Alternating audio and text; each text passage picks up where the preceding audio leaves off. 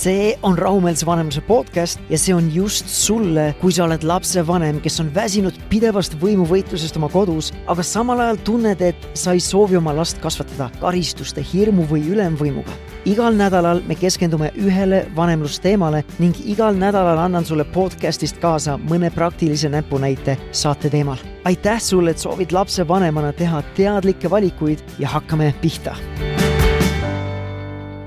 räägime lapse suurtest emotsioonidest ja ühest viisist, kuidas sellega tegeleda. lapse suured emotsioonid on paljudele vanematele, ma ütleks, päris keerulised ja vahel ka mulle endale. olgu selleks siis kas lapse viha või raev, südamevalu, kurbus või hoopis pettumus. ja seekordses podcastis me keskendume ühele lähenemisele, mis loomulikult ei ole ainuõige viis, kuidas igale olukorrale läheneda, aga siiski ühele väga efektiivsele viisile, kuidas last selles olukorras toetada ja see võib tulla kasuks ka kurbuse ja pettumuse ja teiste suurte emotsioonidega, aga minu kogemuses töötab see suurepäraselt just sellistes olukordades, kus laps on kas vihane või ta on oma nii-öelda kaane pealt ära visanud. Ja see võib välja paista näiteks kriiskamisega või jonnihoona või mingil muul viisil, kui su laps on sinuga kontakti kaotanud ja keeldub sinuga koostööst. Ja nagu viimasel ajal ikka kombeks, siis see tänane podcasti teema tuleb jällegi elust enesest ja ma salvestan seda podcasti just samal päeval, kui mul tuli seda lähenemist kasutada. ja ma tahaksin väikese vahemärkusena veel meelde tuletada, et keegi meist pole üliinimene ega täiuslik.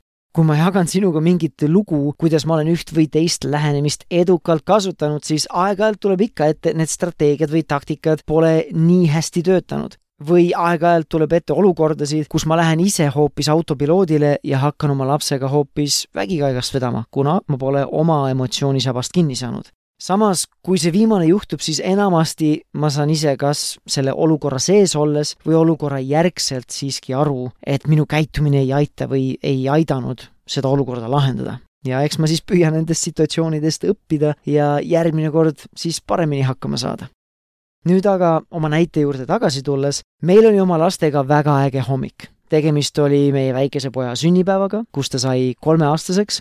me ärkasime koos üles, me laulsime talle palju õnne sünnipäevaks ja andsime talle üle ühe kingituse, mida ta oli päris pikka aega oodanud.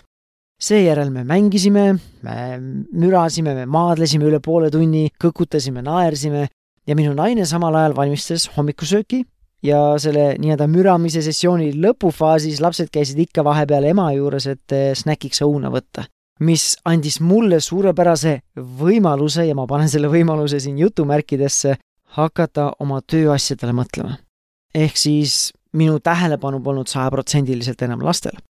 ja ühel hetkel hakkasid lapsed omavahel kraaklema või tegelikult suurema osa kraaklemisest tegi meie just kolmeseks saanud poeg ta oli millegipärast endast välja läinud ja nüüd istus meie voodi otsa peal, kus me just olime müranud ja naernud ja mänginud ning nüüd ta kriiskas oma õe suunas. ma püüdsin talle läheneda, et talle tähelepanu anda, aga nüüd ta pöördus minu poole ja kriiskas mulle näkku ja viskas ennast pikali ja hakkas oma jalgadega rapsima ja tuuleveskit mängima, et mind endale mitte ligi lasta. ilmselgelt oli miski ta endast välja viinud ja ühelt poolt ma nii väga tahtsin teda lohutada ja teda aidata, et ta saaks uuesti oma kogemuse üle kontrolli saavutada. aga teiselt poolt ma ei tahtnud ju ise tema jalgade vahele jääda või tema jalgadega pihta saada. ja kolmas oluline tegur oligi see tema jalgade vehkimine. ta ilmselgelt tahtis mind endast eemale hoida.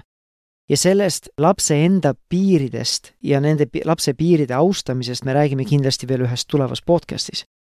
kui ma poleks selles olukorras suutnud kohale jääda või empaatiline olla, siis autopiloodil olles ma oleksin kiiresti hakanud kas kärkima või noomima, et ei tohi toas karjuda või mis sul viga on või ära löö mind, nii ei tohi teha ja nii edasi ja nii edasi.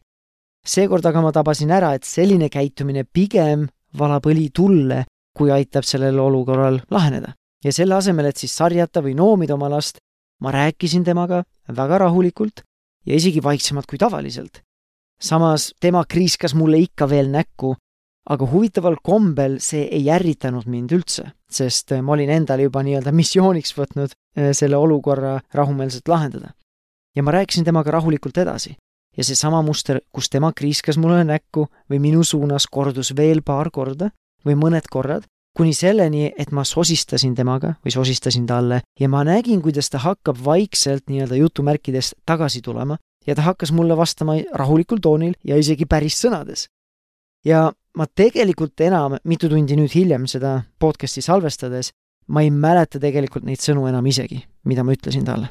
ja ilmselt ei jõudnud need sõnad tallegi kohale, sest tema aju oli sel hetkel tugevas stressireaktsioonis, kus me kõik kipume järgima ühte kolmest mustrist, kas võitlema, põgenema või tarduma, ja tema reaktsioon oli vägagi võitlemise moodi sel hetkel. ta kriiskas, ta vehkis jalgadega ega, ega lasknud mind enda füüsilisse lähedusse. Sellises tugevas stressireaktsioonis ei ole lapse aju meie sisendile eriti vastuvõtlik, sest tema aju käitub väga ürgsel moel, otse kui oleks praegu elu ja surma küsimus ja kõik ressursid on suunatud sellele ellujäämise reaktsioonile laps on valmis infot vastu võtma alles siis, kui tema stressireaktsioon on vaibunud. ja sama on tegelikult ju ka täiskasvanutega. kui sa püüad meenutada ühte eriti emotsionaalset tüli või, või sõnelust, kui keegi ütleks sulle selles olukorras rahune maha, kas see aitaks sind? või veel hullem, kui see keegi teine kärataks sulle rahune maha! kui palju see aitaks sul rahuneda? ma julgen pakkuda, et see ei aitaks sul väga rahuneda. ja sama on ka lapsega. Need sõnad on sel hetkel väga väikese mõjuga, eriti kui see on kellegi teise kärkimine, sest see saadab ajule veel ühe signaali, et see võitle, põgene või tardu reaktsioon on igati asjakohane, kuna näed, isegi mu ema või isa on endast väljas, järelikult mina pean ka seda peegeldama või järelikult on ärevuseks põhjust. ma ei saa oodata, et minu ärritumine aitab minu lapsel rahuneda. pigem on vastupidine tõene, minu ärritumine valab tema emotsioonidele ainult õli tulle.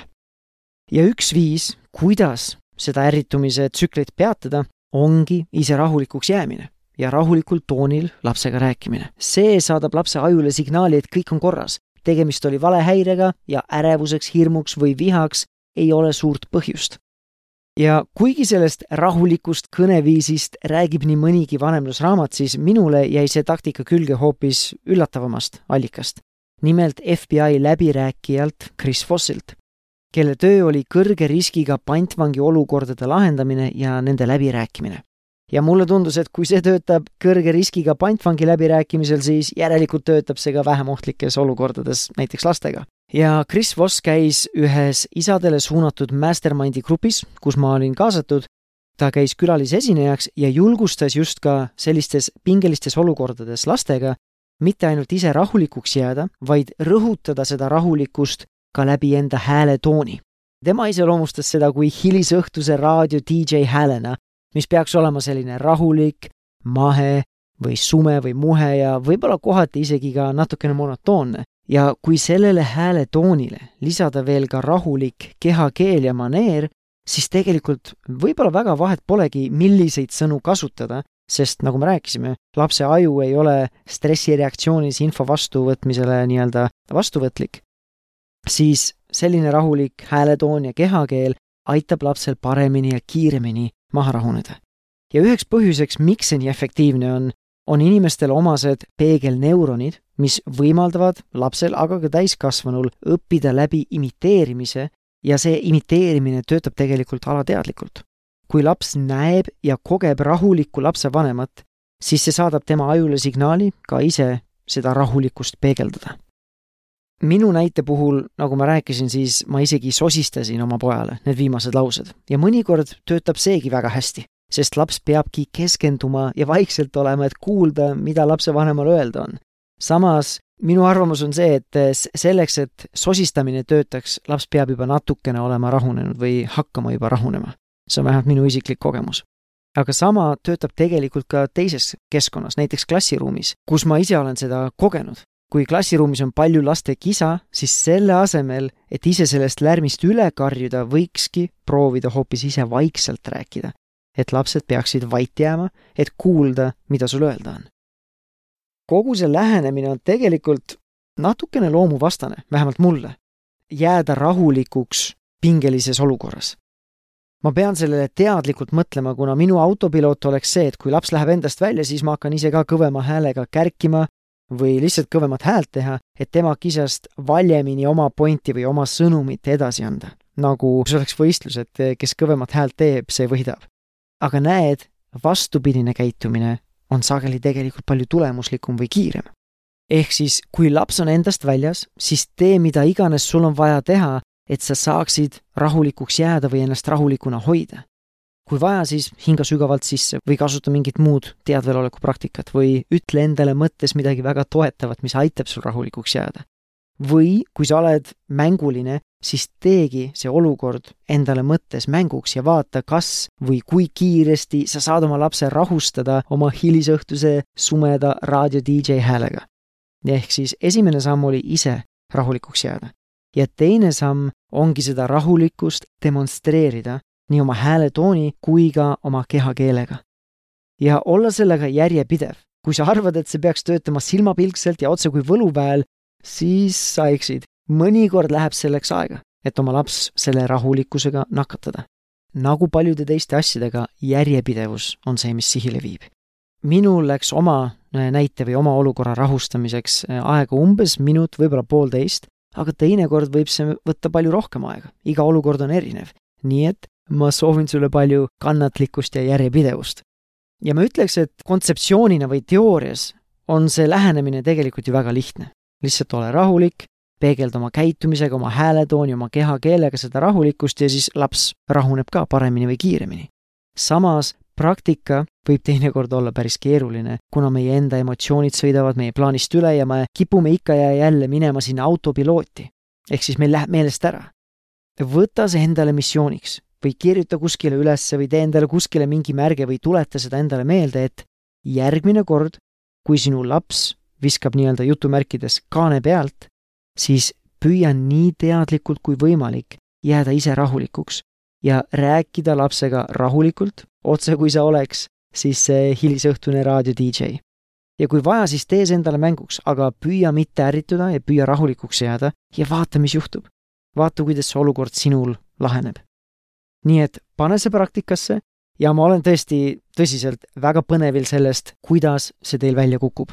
kui sul on vähegi mahti, siis katseta seda, pane see praktikasse ja pärast seda anna ka mulle teada, kuidas see sul välja tuli, mis töötas, mis ei töötanud ja sa saad seda teha kas meie Facebooki grupis Positiivne ja rahumeelne vanemlus või sa võid mulle saata ka Facebooki sõnumi või emaili.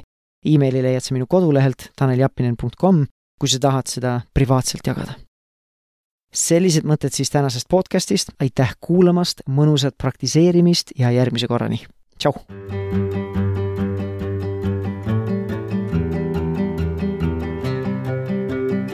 oot-oot-oot, enne kui ma sul minna lasen, ma tahan sind tänada selle eest, et sa oled lapsevanem, kes püüab ja soovib areneda. isegi kui su laps seda praegu ei hinda, siis mina väärtustan seda, mida sa teed, nii et aitäh sulle. Ja kui tänane podcast läks sulle korda, siis suurim kompliment, mida sa mulle teha saad, on soovitada seda podcasti vähemalt ühele oma tuttavale. tänutäheks ma tahan sinuga jagada ühte oma lemmikraamatu kokkuvõtet nagu sina ja mina teame, pereelu on vahepeal nii kiire, et ei jõua kõiki neid häid raamatuid kaanest kaaneni lugeda. ja just sellepärast ma olen kokku pannud ühe enda arust parima vanemlusraamatu Lapse ajukeskne kasvatus lühikokkuvõte ja ma tahan seda sinuga jagada. Sa leiad selle lühikokkuvõtte veebist taneljappinen.com kaldkriips kingitus ja lõpetuseks ma tahan sulle meelde tuletada, et me keegi ei ole täiuslik lapsevanem ja see polegi oluline täiuslikkus ei tohiks kunagi olla mõõdupuu või isegi eesmärk. oluline on, et sa liiguksid samm-sammult paremuse ja rahumeelsuse poole. nii et edu sulle sellel teekonnal ja järgmise korrani, tšau!